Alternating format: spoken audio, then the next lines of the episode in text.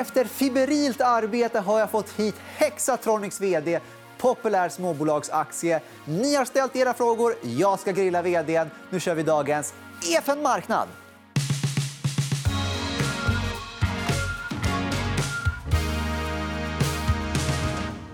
Och dagens första gäst är Henrik Larsson Lyon. Välkommen hit. Tack så mycket.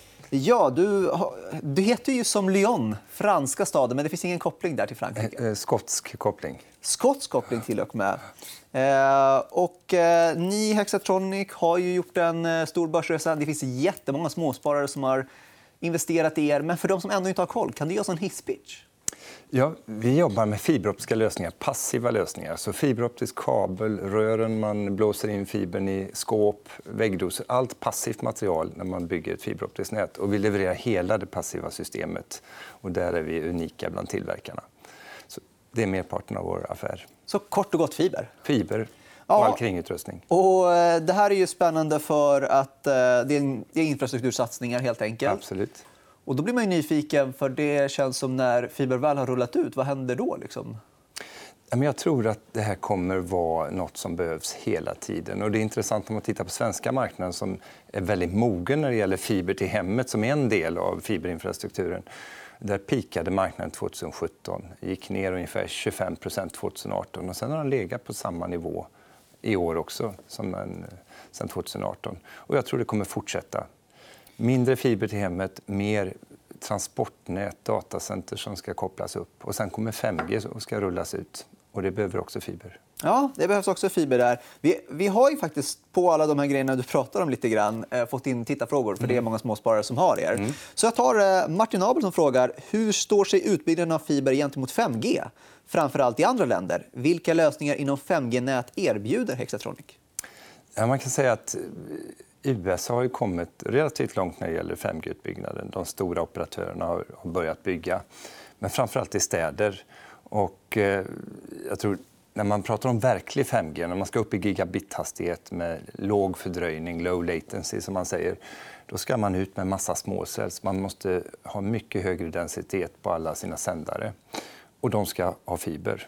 Så att jag tror i marknader där fiber till hemmet inte är så välutbyggt, till exempel i England, där kommer mycket av det här gå hand i hand. Att man bygger både fiber till hemmet men man kopplar också upp antenner för 5G. Så för att vara supertydlig, det är inte 5G mot fiber, utan de går hand i hand? Det kommer säkert vara så att som inte, hushåll som inte är uppkopplade med fiber kanske väljer vissa av dem en 5G-uppkoppling eh, när det är välutbyggt. Men det här kommer ta tid. Så att vi ser inte 5G som ett hot, utan snarare en möjlighet. Och när man tittar på vad vi levererar till 5G idag så är det ju fiberinfrastruktur. Eh, alltså fiberkabel, de här rören, skåp och annat som behövs för 5G-utbyggnaden också. Vi designar, utvecklar och tillverkar antennboxar för Ericsson till exempel där de stoppar in sina antenner, antenner 3, 4, 5G-antenner och även hybridkablar som går upp i masterna va? med både kraft och fiberkabel. Så att, eh, det är inte vår största del av verksamheten, men ett område som växer. Men jag eh, tycker vi eh, går vidare till eh, nästa tittarfråga som är från frilansaren mm. som undrar vilka marknader ser eh, du har potential utöver USA, Storbritannien och Tyskland? Ja, först ska jag säga att de tre marknader du nämnde nu det är våra tre största strategiska tillväxtmarknader. Och de har en jättepotential. Det är så låg fiberutbyggnad eh, och kommer ske väldigt mycket. Så att när vi tittar ett antal år framåt, det här är våra stora tillväxtmöjligheter och det har börjat visa sig i siffrorna redan. Sen så är det ju flera marknader som är på samma låga utbyggnadsgrad. Om du tar Italien till exempel. Det är också på en låg nivå. Australien där vi också börjar starta upp. Vi köpte två bolag förra året och bygger upp en verksamhet kring eh, fiberoptiska system där. har också väldigt låg penetrationsgrad. Så det är andra marknader vi tittar på. Och då blir jag nyfiken. Du sa ju Storbritannien, eh, USA och Tyskland. Det är tre av era största marknader. Mm. Det måste finnas konkurrens där. Är, eller är marknaden er att ta? Nej, det är lite olika. Men man kan säga det är inte bara vi som ser att det här är marknaden i tillväxt. utan Det är lite som flugor kring en sockerbit. Alla konkurrenter är där. Eh, sen är det lite olika. USA domineras av ett fåtal större leverantörer. Lite färre av våra konkurrenter som vi möter i Europa. Där. Men det är klart, det är en tuff konkurrens. Sen tror jag vi har en fördel med det sättet vi jobbar. Vi säljer hela systemet. Vi jobbar mot små och medelstora kunder, operatörer. Eh, jobbar väldigt nära dem. Så att, väldigt starka kundrelationer. Starka kundrelationer. Eh, men då blir jag nyfiken kring... Eh, om, man, om du som vd nu ska planera eh, framåt. Så du pratar om att det är tre år där det är väldigt mycket tillväxt i de här länderna och lite andra länder och så vidare. Men vad, vad ska liksom Hexatronic göra säg om 15 år? Ja, alltså, jag skulle säga mer än tre år. Om vi pratar om de här marknaderna, det kommer ta över tio år innan de är uppe på den mognadsgraden vi är i Sverige. För det här tar tid. Det finns inte tillräckligt med installatörer att göra de här stora satsningarna. Som, pengarna finns idag, men det är liksom arbetskraften som är bristen. Så det här kommer ta över tio år att de ska komma upp till den svenska nivån. Samtidigt, för oss är det viktigt att titta tio år framåt också. Eh, och det är framförallt två områden, eller tre kan vi säga, som vi håller på och bygger upp. Det ena nämnde jag, det är fiberoptiska lösningar för wireless-sektorn.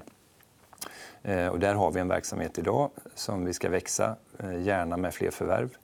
Vi har också en verksamhet inom vad man kallar harsh environment. Det är fiberoptiska lösningar för tuffa miljöer. Till exempel mot oil and gas eller om det ska vara i fordon, flygplan och sånt. Och det är en verksamhet som vi också håller på och ska växa och framförallt genom förvärv för att det är en väldigt fragmenterad marknad. Och det tredje tillväxtområdet det är datacenter. Vi gjorde ett förvärv förra året i USA. Vi vill göra fler förvärv i framförallt först i Europa och bygga en verksamhet kring konnektiviteten i datacenter. Ni har ju varit på förvärvsstigen mm. ett, eh, ett tag. Och då blir man nyfiken. Eh, kommer ni kunna fortsätta förvärva i egen bok eller kommer det behövas eh, ta in mer kapital? Eller hur, hur ser det ut för er? Det beror lite på storleken på förvärven. Tittar vi framåt eh, detta året så eh, bedömer jag att vi ska klara det med egna medel och de kreditfaciliteter vi har. Men på vår lista så finns det ett par större också. Då behöver vi sannolikt göra något på kapitalanskaffningssidan. Ja, och vad kan det exempelvis vara? Ja, ett större bolag till exempel i USA. Eh, och då skulle det sannolikt vara en nyemission vi behöver göra. Eller en obligation. Right. Och är det något ni har koll på i USA redan nu? Eller är det Nej, men vi, jobbar alltid, vi har en lista med potentiella förvärvsobjekt som vi lär känna och ser om det stämmer in och om de är till salu. Alla är inte till salu. Så att eh, på den listan så finns det ett antal potentiella bolag. Och en annan sak jag blir nyfiken på det är att ni sitter i Göteborg. Huvudkontoret i Göteborg. Huvudkontoret i Göteborg ja. Ja. Eh, är det någon fördel eller nackdel jämfört med de flesta har annars i Stockholm eller området? Jag ska säga, vi är väldigt utspridda. Om vi tittar på ledningsgrupp så sitter vi, jag tror vi är fyra i Göteborg, vi har två i Stockholm, vi har två i Hudiksvall och vi har en i Köpenhamn. Och särskilt nu har vi tränat under pandemin på att köra Teamsmöten så att jag tycker det funkar väldigt bra. Och den stora delen av vår verksamhet är ju i Sverige, framförallt uppe i Hudiksvall där vi har fabriken som köptes av Ericsson 2013. Men sen är det ju England, Tyskland och USA där de större verksamheterna är. Så att eh, vi reser ju en hel del. Och sista fråga. Det pratas ju om eh, inflation och eh, komponentbrist och problem i leverantörsleden och så vidare. Påverkar det här er? Alltså det har varit viss påverkan, alltså, framförallt på prissidan. Allt har blivit så mycket dyrare. Allt material, men också transporter. Och det har varit stökigt på materialsidan. Men när man läser om chips, chipbrist och annat, det, vi har inte den typen av produkter. Utan det, vi har klarat oss relativt väl. Ska jag säga. Ja, stort tack för det, Henrik. Men det var allt vi hann med i dagens EFN Marknad. Vi är tillbaka på fredag. Missa inte oss då. På återseende.